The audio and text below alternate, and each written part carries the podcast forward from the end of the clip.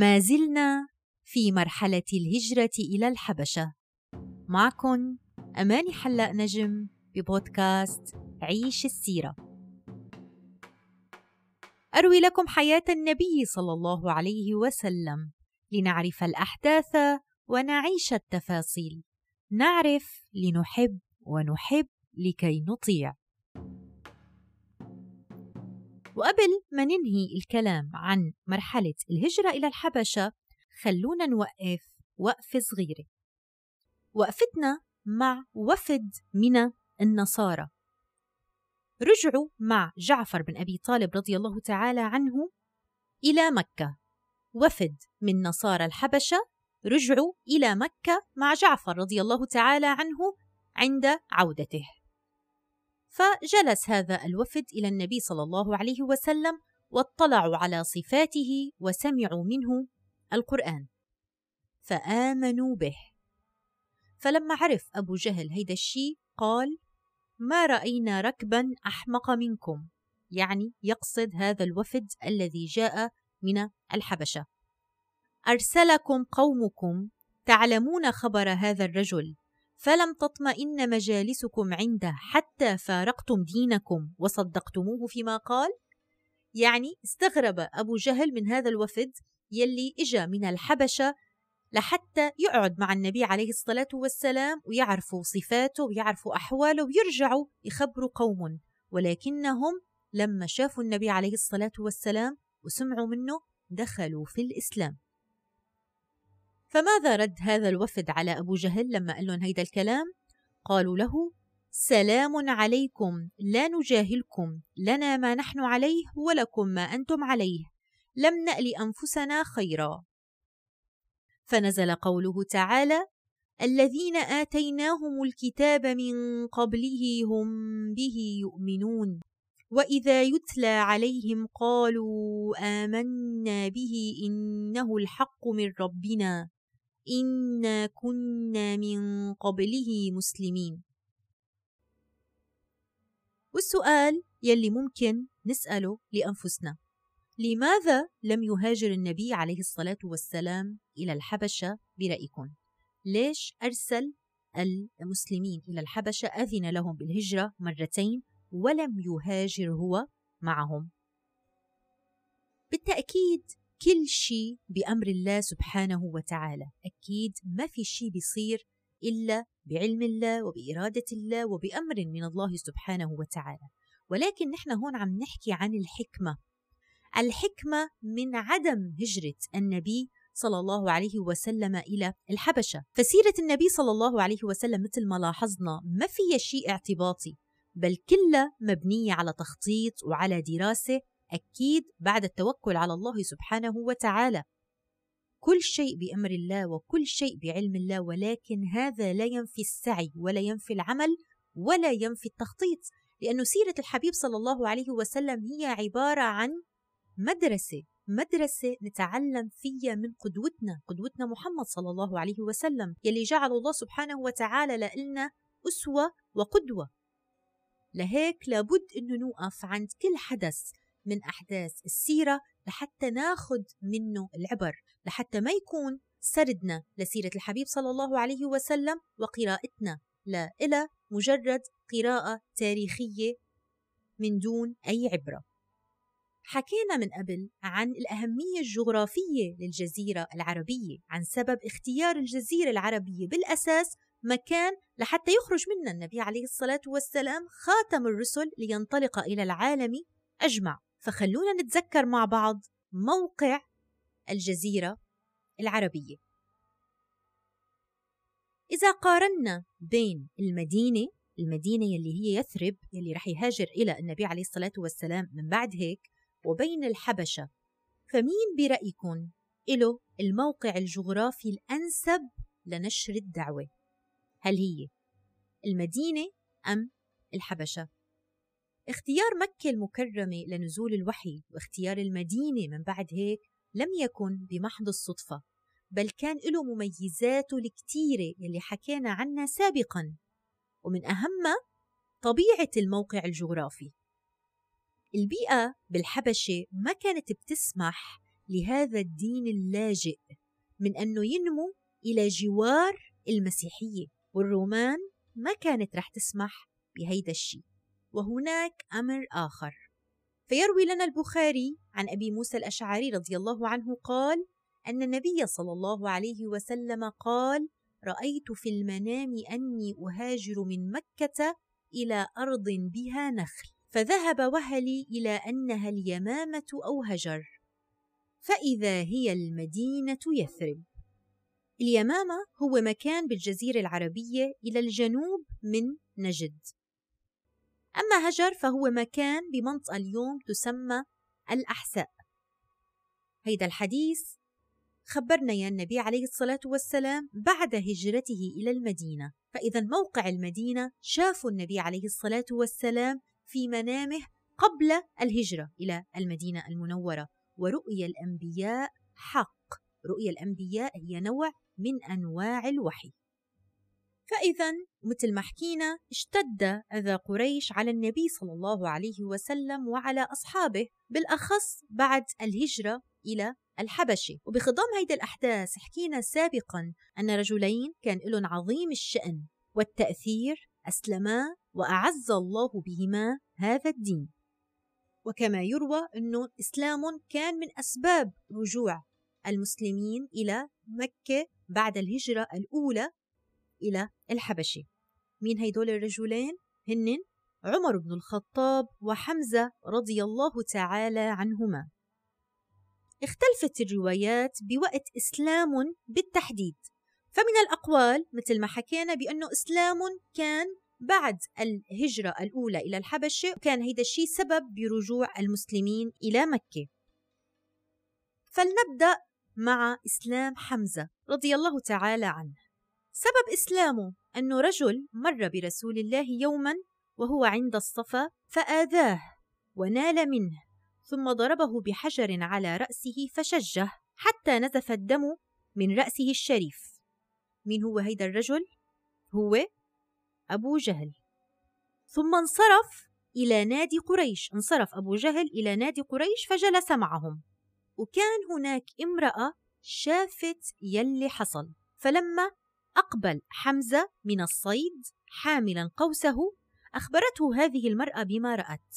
فغضب حمزة رضي الله تعالى عنه. غضبه هون كان لاعتداء أبو جهل على محمد ابن أخيه من قبيلته. لم يرضى كيف يتجرأ أحد ويعتدي عليه. فانطلق. لا يستطيع أحد أن يقف في وجهه. فدخل حمزة إلى المسجد مكان ما قاعدين رجال قريش وشتم أبا جهل وقال له تشتم ابن أخي وأنا على دينه؟ ثم ضربه حمزة بالقوس فشجه فثار رجال من بني مخزوم ورجال من بني هاشم. رجال من بني مخزوم ثاروا من أجل أبي جهل لأنه أبو جهل من بني مخزوم وبنو هاشم ثاروا من أجل حمزة. فلما شاف أبو جهل بأنه الناس رح تقتتل قال دعوا أبا عمارة. يعني حمزة. فإني سببت ابن أخيه سبا قبيحا. فكان إسلام حمزة رضي الله تعالى عنه في بداية الأمر مثل ما شايفين عبارة عن انتصار لابن أخيه عبارة عن أنفة عبارة عن عصبية قبلية. ولكن الله سبحانه وتعالى شرح صدره للإسلام وأعز به هذا الدين. وبعد إسلام حمزة رضي الله عنه بثلاثة أيام كان إسلام رجل دعا النبي صلى الله عليه وسلم ربه لإسلامه. فكما يروي الترمذي والطبراني أن النبي صلى الله عليه وسلم قال اللهم أعز الإسلام بأحب الرجلين إليك بعمر بن الخطاب أو بأبي جهل بن هشام. فكان سيدنا عمر أحب الرجلين إلى الله سبحانه وتعالى. أيضا تعددت الروايات حول سبب إسلام عمر رضي الله تعالى عنه مما يدل على أنه نزول الإسلام في قلب سيدنا عمر ومحبته للإسلام كان بشكل تدريجي. كلياتنا بنعرف شخصية سيدنا عمر قبل الإسلام. كانت شخصية معروفة بحدة الطبع وكان يتعرض للأذى للمسلمين من قومه. كان هو يشارك في تعذيب المسلمين يلي يآمنوا من قومه. وخلاصة قصة إسلام سيدنا عمر بأنه ذات ليلة التجأ للمبيت خارج بيته فجاء سيدنا عمر إلى الحرم ودخل بجانب الكعبة والنبي صلى الله عليه وسلم كان قائما يصلي واستفتح صلى الله عليه وسلم بسورة الحاقة فسمع عمر القرآن فكان يقول في نفسه بحسب الرواية هذا والله شاعر كما قالت قريش قال فقرأ إنه لقول رسول كريم وما هو بقول شاعر قليلا ما تؤمنون. فقال سيدنا عمر قلت كاهن. فسمع رسول الله يقرأ ولا بقول كاهن قليلا ما تذكرون. تنزيل من رب العالمين إلى آخر السورة. فيخبرنا سيدنا عمر فيقول فوقع الإسلام في قلبي ولكنه لم يكترث لهذا الشعور. وفي يوم من ذات الأيام ولشدة عداوة سيدنا عمر بهيداك الوقت للنبي خرج متوشحا سيفه يريد أن يقتل النبي عليه الصلاة والسلام. فلقيه رجل فسأله الرجل إلى أين يذهب؟ فقال له سيدنا عمر بكل صراحة من دون حتى ما يخبي أريد أن أقتل محمدا. فقال هذا الرجل كيف تأمن من بني هاشم وبني زهرة وقد قتلت محمدا؟ فقال له عمر ما أراك إلا قد صبوت وتركت دينك الذي كنت عليه فماذا فعل هذا الرجل؟ هذا الرجل كان بالفعل مسلم واختلفت الروايات بمن هو هذا الرجل فلحتى يلهي سيدنا عمر ويخليه يغير طريقه وما يروح لعند النبي عليه الصلاة والسلام فماذا قال له؟ قال له إن أختك وختنك ختنك يعني صهرك إن أختك وختنك قد صبوا وتركا دينك الذي أنت عليه فغضب سيدنا عمر وغير طريقه وذهب إلى بيت أخته وكان عندهما خباب بن الأرت رضي الله تعالى عنه لحتى يعلمن القرآن وكان معه صحيفة فيها سورة طه. فلما سمعوا مقدم عمر وصوت عمر اختبأ خباب وأخفت فاطمة الصحيفة ولكن عمر كان قد سمع صوت قراءة خباب بالقرآن. فقال لهما لعلكما قد صبوتما. فقال زوج أخته يا عمر أرأيت لو كان الحق في غير دينك؟ فضربه عمر. ثم ضرب أخته عندما أرادت الدفاع عن زوجها. فقالت فاطمة يا عمر إن كان الحق في غير دينك أشهد أن لا إله إلا الله وأشهد أن محمدا رسول الله. فخجل عمر مما فعله. فقال لأخته أعطوني هذا الكتاب الذي عندكم فأقرأه. فطلبت منه فاطمة أن يغتسل أولا ففعل. ثم أخذ الكتاب فقرأ. بسم الله الرحمن الرحيم. فقال عمر أسماء طيبة طاهرة. ثم قرأ طه. حتى وصل إلى قوله تعالى إنني أنا الله لا إله إلا أنا فاعبدني وأقم الصلاة لذكري. فقال سيدنا عمر ما أحسن هذا الكلام؟ دلوني على محمد. فخرج خباب وأخبر عمر بأن النبي عليه الصلاة والسلام دعا له ثم دله خباب على مكان النبي عليه الصلاة والسلام. فأخذ عمر سيفه وتوجه إلى البيت فلما وصل فلما شافوا الصحابة مقدم عمر إلى البيت الذي كان موجود فيه النبي عليه الصلاة والسلام خافوا. فقال لهم حمزة ما لكم؟ قالوا عمر. فقال وعمر افتحوا له الباب فإن كان جاء يريد خيرا بذلناه له. وإن كان جاء يريد شرا قتلناه بسيفه.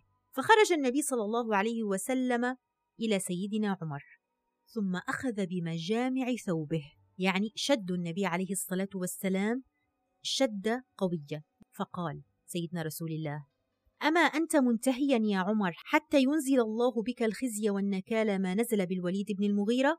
اللهم هذا عمر بن الخطاب اللهم أعز الإسلام بعمر بن الخطاب. فقال عمر أشهد أن لا إله إلا الله وأنك رسول الله. فكبر أهل الدار تكبيرة سمعها أهل المسجد. فإذا مع تعدد الروايات في قصة إسلام سيدنا عمر ولكن جميع الروايات يتفق على أن القرآن كان هو السبب في لين قلبه رضي الله تعالى عنه. ما الذي حصل بعد إسلام عمر؟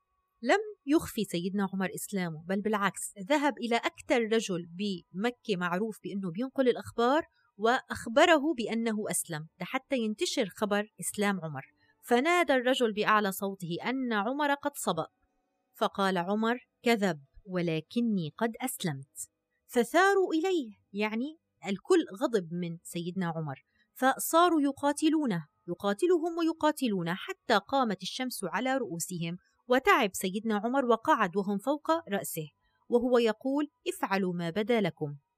وفي سيرة ابن هشام عن عبد الله بن مسعود رضي الله عنه أن إسلام عمر كان فتحا وأن هجرته كانت نصرا وإمارته كانت رحمة. ويقول عبد الله بن مسعود ولقد كنا ما نصلي عند الكعبة حتى أسلم عمر. فلما أسلم قاتل قريشا حتى صلى عند الكعبة وصلينا معه. لما أسلم عمر ظهر الإسلام ودعا إليه علانية وجلسنا حول البيت حلقا وطفنا بالبيت وانتصفنا ممن غلظ علينا ورددنا عليه بعض ما يأتي به. رضي الله عنك يا عمر أعز الله بك دينه. اللهم أعز دينك وارزقنا رجالا كعمر. اللهم آمين. وقفتنا اليوم بعنوان عزة الإسلام. الهداية نور بيدخل إلى القلب. لما بيستشعرها صاحبها ولما بيدرك قيمتها الحقيقية قيمة إنه هو مسلم هداه الله سبحانه وتعالى إلى الإسلام يشعر بالعزة. فهو بيعلم تماما أنه لا أحد يملك له النفع ولا الضر إلا الله سبحانه وتعالى وأنه ما حيصيبه إلا يلي الله سبحانه وتعالى كتبه عليه. هيدا بيعطيه قوة وبيعطيه عزة. بتاريخنا الإسلامي رجال كانوا بحق عزة لهذا الدين أعز الله بهم هذا الدين. وبالنسبة لنا وبهيدا الزمان سواء كنا عايشين ببلاد إسلامية أم بالبلاد الغربية فخلينا نعتز بديننا. ما نخجل لا من صلاتنا ولا من قراءتنا للقرآن ما تخجل المرأة المسلمة من حجابها بالعكس تماما نستشعر عزة الإسلام نستشعر قيمة ما نحن فيه. الهداية إلى الإسلام هي نعمة كبيرة جدا جدا لو شكرنا الله سبحانه وتعالى عليها إلى آخر حياتنا ما حنكفي حقه. والناس بتحترم الشخص يلي واثق من حاله ويلي واثق من معتقداته. لهيك انت امرأة مسلمة ارفعي رأسك بحجابك وبإسلامك. أنت رجل مسلم ارفع رأسك بإسلامك. ما تخجل من صلاتك وما تخجل من اجتنابك للمحرمات. مهما نظر لك المجتمع بنظرة على أنك رجل غريب سواء كنت بين المسلمين أنفسهم يلي بعدوا عن تعاليم رب أو كنت في بلد غير مسلم. ثق بدينك. اعتز بإسلامك. والأشخاص يلي عم يدخلوا إلى الإسلام عن جديد. هن أكثر ناس بيعرفوا قيمة ما لديك. فارفع رأسك فإنك مسلم. كل عام وأنتم بألف خير. تقبل الله طاعتكم. ونسأل الله سبحانه وتعالى أن يجعلنا من عتقاء هذا الشهر الكريم وأن يتقبله منا وأن يعيده علينا ونحن ثابتين. على هذا الدين يا رب العالمين. اللهم أعز الإسلام والمسلمين وثبت قلوبنا على هذا الدين يا الله. شاركوا البودكاست مع أصدقائكم ومعارفكم وخليكم دايما على السمع وخليكم مع بودكاست عيش السيرة.